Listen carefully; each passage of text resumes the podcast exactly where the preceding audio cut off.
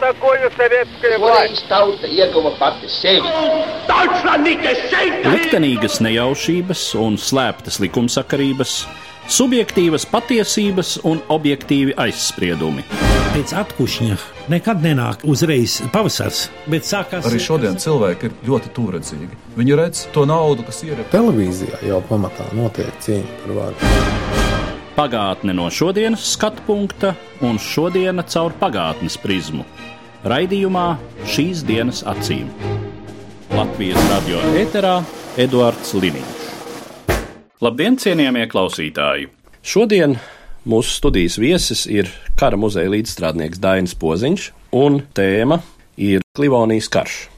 Mūsu dzimtenei ļoti būtiski notikumi, kas pagriež tās attīstību uz vairākiem simtiem gadu un atstājuši savas neizdzēšamas pēdas mūsu vēsturē. 1558. gada pašā sākumā neviens cits kā Ivans Bargais sūta savu armiju, bet tam ir arī zināma diezgan pamatīga priekšvēsture. Tas nav gluži tā, kā teiksim, ka pēkšņi krievu jātnieki parādās pie robežas un brūk iekšā. Krievija it kā pamato savas pretenzijas pret Livonijas ordeni ar zināmiem veciem parādiem. Nu, par tām pretenzijām gan arī tur tā sacīt tiesību pārmantojamības aspektu, kas arī tolaik ir aktuāls. Proti, runa ir par to, ka Tartu, jeb Tērbata, kādreiz ir saukusies Jurjeva un bijis cietoksnis, kur ir atradies Krievu garnizons. Krievu tādā nozīmē kā laikam Novgorodiešu. Tas ir tā saucamais jautājums par tērbatas mesliem, jeb tērbatas biskupijas parādiem attiecībā pret Krieviju. Priekšvēsture Livonijas karam ir tāda, ka Ivans IV. jeb Ivans Bargais um, izmantojot to it kā pirms ilga laika noslēgtā līguma radušās sekas uh, savas politikas īstenošanai Baltijā. Tas faktiski bija tāds ērts iegansts, un Livonijas kara priekšvakarā Livonijas diplomāti sūtņi devās uz uh, Maskavu veikt pārunas ar Krievu cara pārstāvjiem, un viņiem šis te tērbats biskupijas parāds tika pasniegts tādā veidā, kad visa Livonija, visas Livonijas valstis, gan Livonijas ordeņa valsts, Rīgas arhibīskapija un Tērbats biskupija ir parādā apmēram 40 tūkstoši dalderi, kā to raksta Rusovs savā kronikā. Jā, Baltazars Rusovs tieši to laiku. Viņš notikuma Latvijas- acu liecinieks, Jā, Latvijas viduslaika izcilākais kronists, notikuma atsaliecinieks. Nu, tad tās sarunas jau paši par sevi, kā tas ir apskatīts vairāk vēsturnieku darbos, faktiski sarunu laikā Krievijas cars eh, Ivans IV demonstrē Krievijas spēku, Livonijas vēstniekiem parāda Krievijas armijas eh, karaspēkā parādi un mācības. Cāļu puška. Jā, jā, viss kā pienākās. Šādas summas pieprasījums patiesībā bija ļoti grūti izpildāms, jo faktiski tas bija viss Livonijas valstu gada ienākums, un šādu naudas summu īsā laikā savākt nevarēja pat, ja Livonijas eh, valstu līderi gribētu pildīt šos te Krievijas noteikumus, un, protams, ka viņi atteicās to maksāt. Nu, un šo te izmantojot par ieganstu, tad arī 1558. gadā Krievu karaspēks sāk kara darbību Igaunijas ziemeļdaļā. Piedāvām tas Krievu karaspēks ir ļoti raips pēc savu sastāvu. Tur ir gan līdzās Krievu karaspēku vienībām Tatāra jātnieki, sirotāji, Tatāra Hādna Šigla Aglēja vadībā, un šis te iebrukums bija ļoti postošs. Viens no Krievijas armijas komandieriem ir tāds, nu, jau drusku gan pārkrievojies, bet joprojām tā tā ar Hans. Jā. Skatoties uz to kara ainu, kas tad notiek pirmajos kara gados, var rasties tāds jautājums, nu, vēl pagājuši ir kādi knapi 30 vai 40 gadi, kopš ir miris uh, von Plettenbergs. Un, ja mēs atceramies, tad von Plettenbergs savā laikā ar saviem bruņiniekiem vispār gāja maskaviešiem cauri tā kā nāzes sviestam. Kas ir noticis ar Livonijas bruņiniekiem, ar šo it kā, mm, vismaz pēc nosaukuma, tā būtu jābūt elitāro karaspēku. Pēc Valtera von Plettenberga nāves faktiski Ziemeļa Austrum Eiropā notiek ļoti būtiskas eh, pārmaiņas un mainās strateģiskais spēku līdzsvars, jo Livonijas ordenis zaudē savu sabiedrotā vācu ordeņa atbalstu.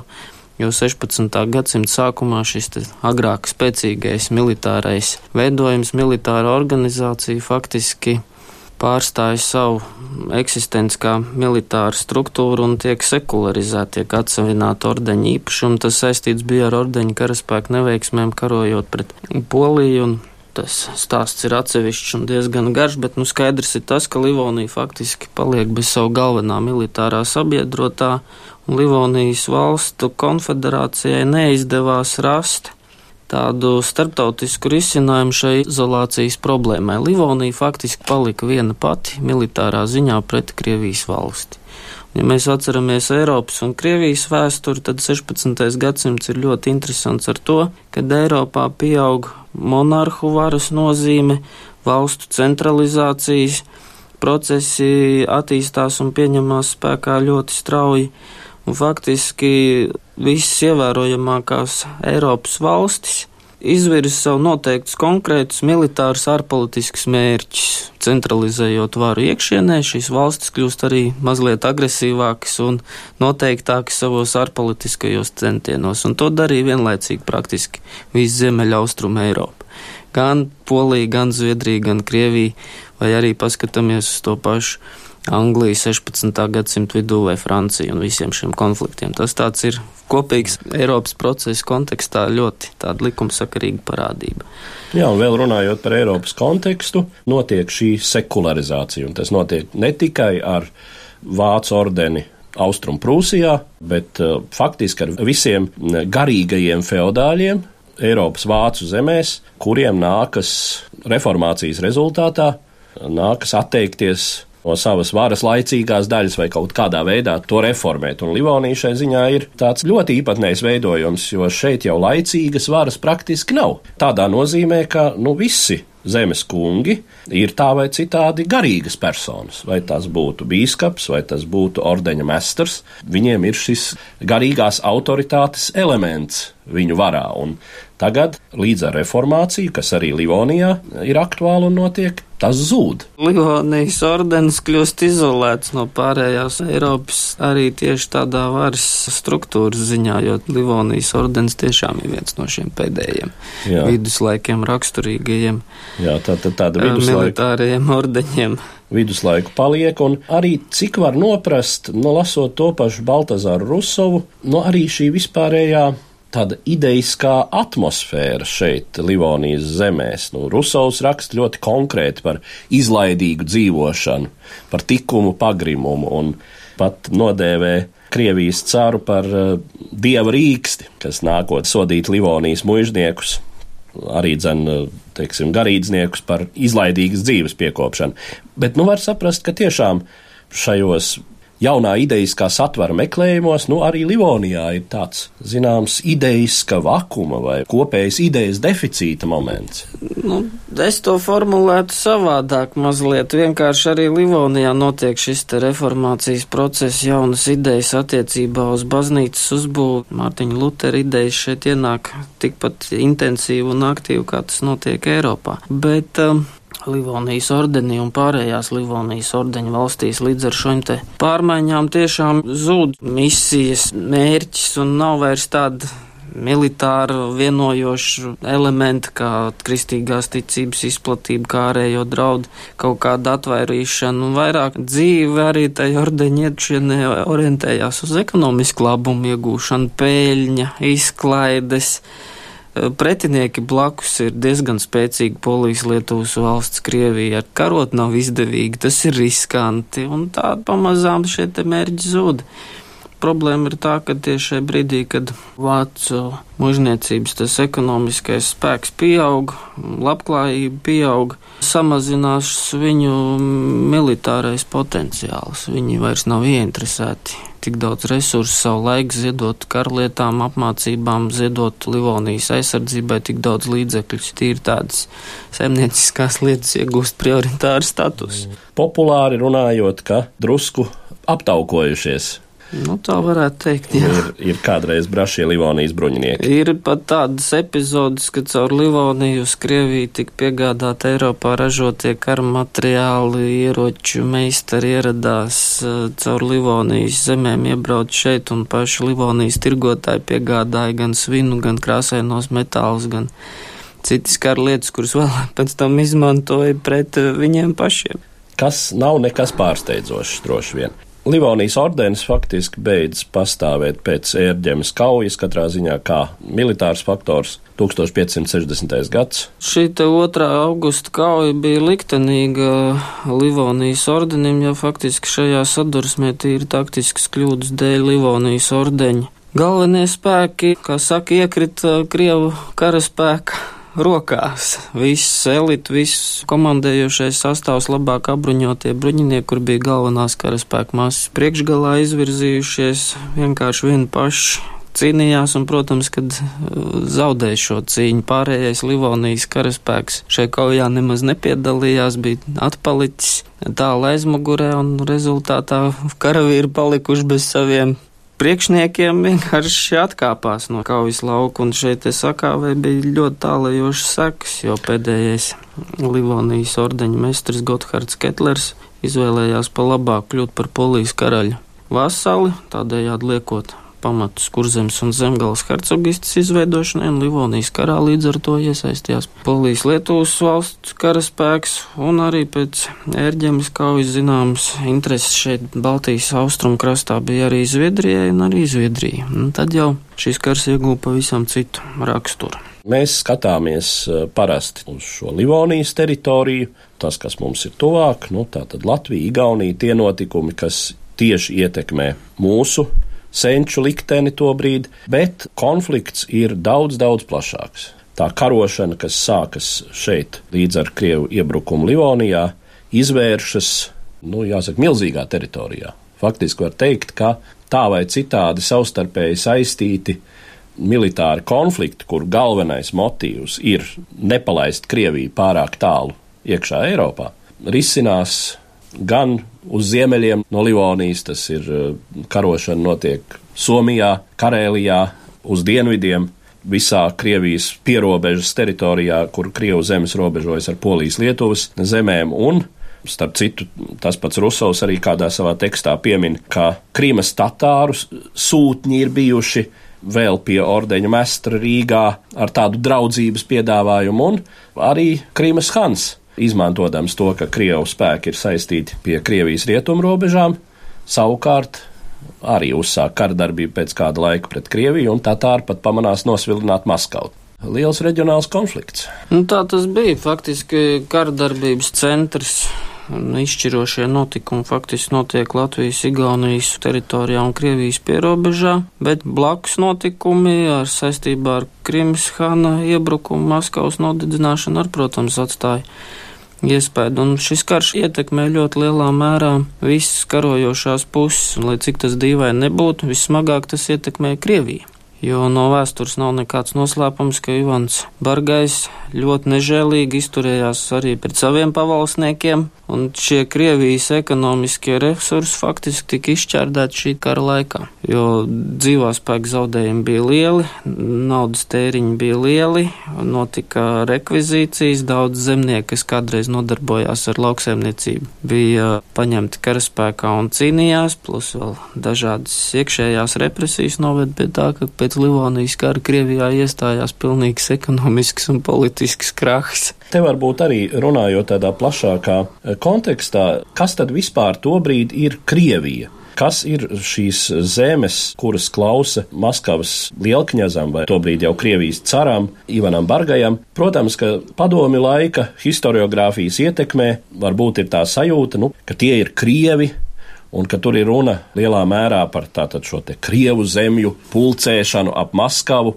kas ir, protams, no mūsdienu viedokļa raugoties tāds greizs viedoklis. Ja runā par to pašu Polijas Lietuvas lielkņazisti, tad, kad mēs runājam par Lietuvas valsti, kāda tā ir 14. un 15. gadsimtā, kur eh, nebūtu nedominē kaut kāds baltu lietuviešu elements. Tā ļoti lielā mērā ir slāvu zeme un ļoti lielā mērā pareizticīga zeme.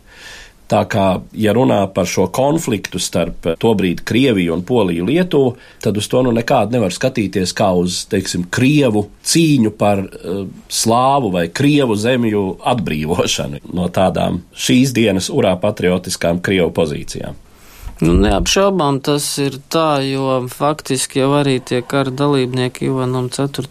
tā kara motivācija bija pilnīgi savādāk nekā tas ir mūsdienu propagandā pieņemts, un daudz biežāk tur ir pieminēti gan reliģiski motīvi, gan personīgais aizvainojums, gan ekonomiskās intereses, un karš jau arī senākos laikos nesāks vien kaut kādu vienkāršu iemeslu, pēc tur ir vesels tā teikt, psiholoģisku, ekonomisku un dažādu Jā. motīvu kopums, kas noved pie kara darbības. Un, ja mēs runājam par Krieviju, tad, protams, Ivans IV. kontrolē bija Krievu tautas apdzīvotās zemes, bet Ivans Bargais sāk arī šo te savu teritoriju paplašināšanu vardarbīgā ceļā. Vispirms tā ir cīņa pret Tatāriem, Kazaņas ieņemšana, konflikts ar Krimas tatāriem, pretenzijas uz Baltijas jūras teritorijām, jo reāli jau īstās Krievu apdzīvotās teritorijas ir tās, ka ir pie paša Somijas jūras līča tas neliels gabaliņš, kur tiešām ir šīs te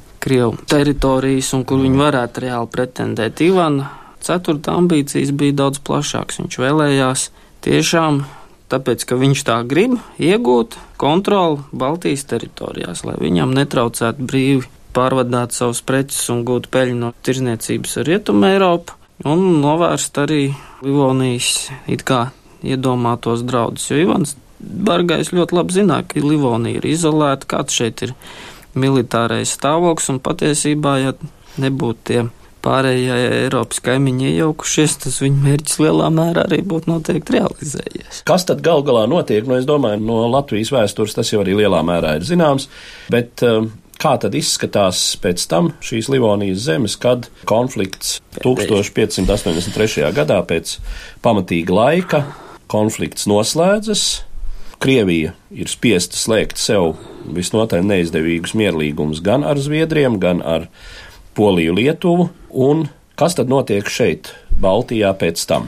Nu, faktiski tradicionālā Livonija, tas ir mūsdienu Latvijas un Igaunijas teritorija.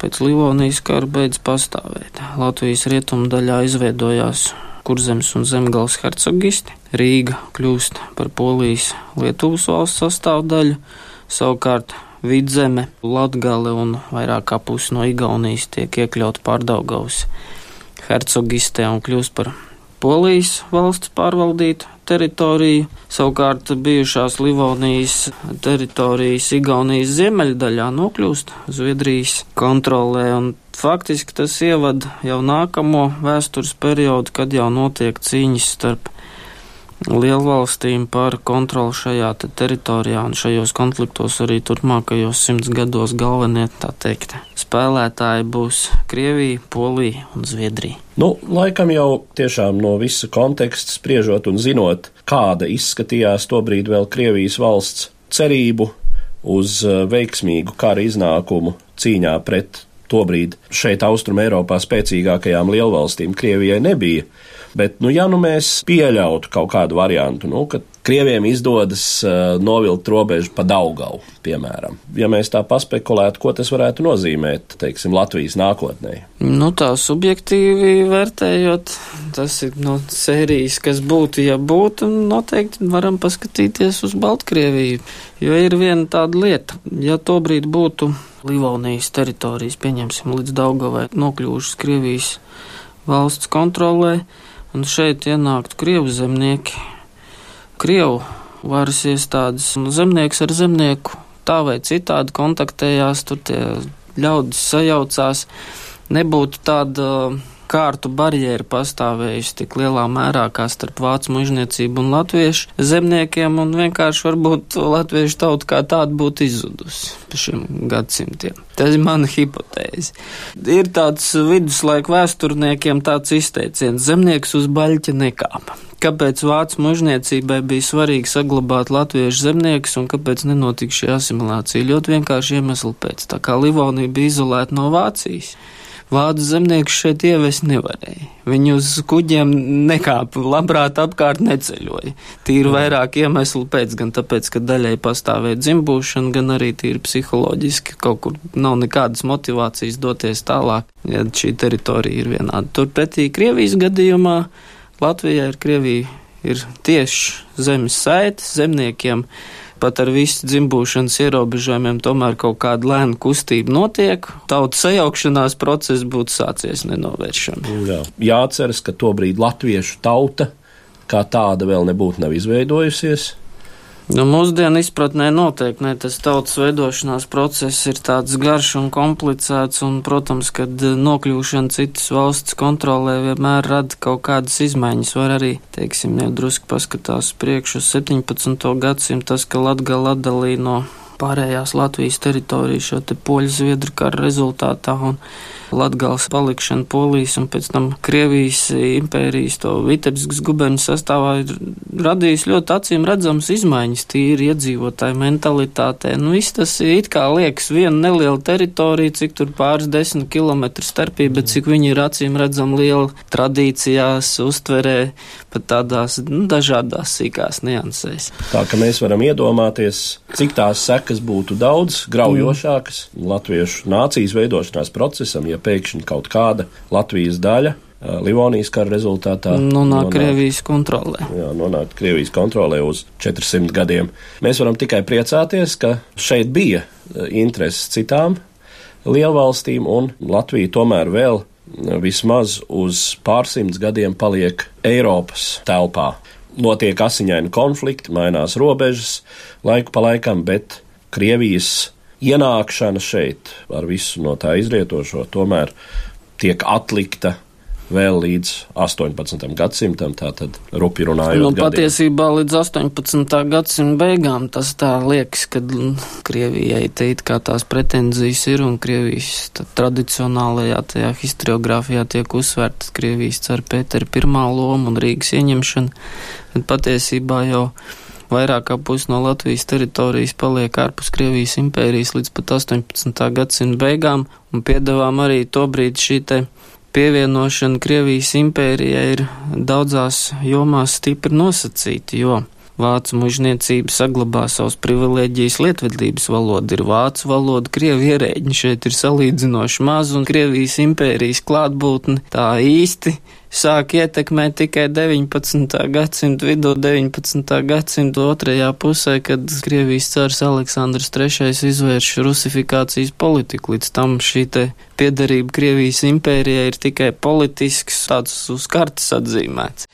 Te varbūt mums ir vietā piesaukt tos motīvus, ka tātad, nu, vācieši droši vien runājot par visām Latvijas vēstures konsekvencēm, nu, tomēr jāsaka, atsevišķās vēsturiskās situācijās vācu elements šeit zināmā mērā kalpoja par tādu, ja varētu teikt, sargājošu čaulu blīvi, kas eh, nu, savā ziņā tomēr šo telpu izolēja no nevēlamām ietekmēm. Tas, protams, arī nav tā ļoti viennozīmīgi. Tagad jāsaka, ka vai kāds liels paldies vāciešiem par to, ja, jo neba viņi aiz mīlestības pret latviešiem bet eh, tīri objektīvu iemeslu nu, dēļ. Patiesībā tad ir vērts pakavēties mazliet sīkāk par eh, to, kā tad tiek organizēts karaspēks Livonijā. Ja mēs zinām, tas ir diezgan dokumentāli precīzi zināms, cik ir Livonijas ordenī pilntiesīgi bruņinieku, Livonijas ordeņu vasaļi, tad šis skaitlis viduslaikos svārstās apmēram no 400 līdz 200 cilvēkiem. Ja mēs paskatāmies uz šo Livonijas teritoriju, 400 vīri nekad vai 500 500 vīri, pat ja viņi nolīgst algoķus, viņi nekad šo teritoriju militāri nevar nosargāt. Ir pilnīgi skaidrs, ka Livonijas valstu karaspēkā cīnījās līdzās šiem te pašiem vācu bruņiniekiem ne tikai algoķi, bet arī kara spēkā mobilizēti amatnieki, zemnieki Dokumentos parādās liecības par to, ka zemnieku uzbruks irojošām karaspēku vienībām neļauj aplaupīt savas teritorijas. Šis te vietējo iedzīvotāju faktors karā, kā viņi reaģē uz tām valstīm, kas iebruk šajā teritorijā, ir ļoti nozīmīgs. Sevišķi Ziemeļigaunijā pie Paidis, Nārvas un citur Livonijas kara sākumā ļoti bieži parādās vietējo iedzīvotāju predarbības faktors un darbība. Livonijas valsts karaspēkā no Rīgas ir sūtīta artilēristi kopā ar visiem lielgabaliem uz Ziemeļigauniju, lai cīnītos pret Krievu karaspēku. Karadarbība jau faktiski vislielāko zaudējumus nodara tieši vienkāršajiem Livonijas iedzīvotājiem, jo visas karojošās armijas, pirmkārtām Krievu, Zviedri, Poļi, izmanto vietējos resursus, zinot, kāda to brīdi ir transporta sistēma, ceļi, karaspēkam vajag ēst, zirgiem vajag sienu, auzas, kur to ņemt. Nu, protams, ka no vietējiem zemniekiem. Tīri dabiski notiek šī Nu, pretestība ir pilnīgi likumsakarīga, un ir pat vairākas liecības, kad uh, zemnieki darbojās diezgan patstāvīgi un tiešām mēģina aizsargāt savu mantu dzīvību pret iebrucējiem. Kas, starp citu, liek runāt arī par vēl vienu aspektu, par to, ka tobrīd Baltijas un Latvijas zemnieks nav gluži tas pats, kas varbūt, teiksim, Merķeļa laiku dzimt cilvēks. Tie zemnieki tobrīd ir savā eksistencē bieži vien salīdzinoši brīvi, Un kā Atis Lēņš kādā intervijā izteicās, nu, nevar saukt par vergu cilvēku, kuram ir tiesības turēt mājās. Tā laika, protams, varbūt ne pašus modernākos un dārgākos, bet ieročus. Nu, parasti zemniekam mājās ir kāds pīķis, ir kāds uh, loks ar bultām, uh, ar kuriem iet mežā. Un ne tikai.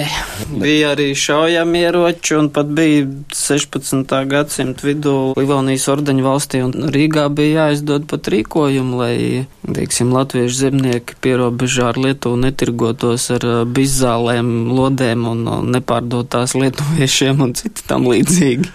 Aha. Pret kontrabandu vērsti pasākumi. Tā ka, Tā kā, īstenībā šis laiks ir ļoti interesants. Vienīgā problēma ir tā, ka, diemžēl, tik senai pagātnē nepievērš pētniecībā tik lielu uzmanību, un tur patiesībā, ja tur paurķētos dziļāk, tad tur diezgan daudz kas vēl interesants atklātos. Jā, nu var tikai novēlēt interesi un enerģiju. Nu, vēsturē to pētniecība ir tā, ka patiesībā jau tas sabiedrības pieprasījums un tā politiskā un sabiedrības aktualitāte lielā mērā ietekmē to vēsturnieku darbu. Lai nopelnītu maizi vēsturniekam, ir jāpēt tas, par ko viņam maksā, un maksā par to, kas ir pieprasīts.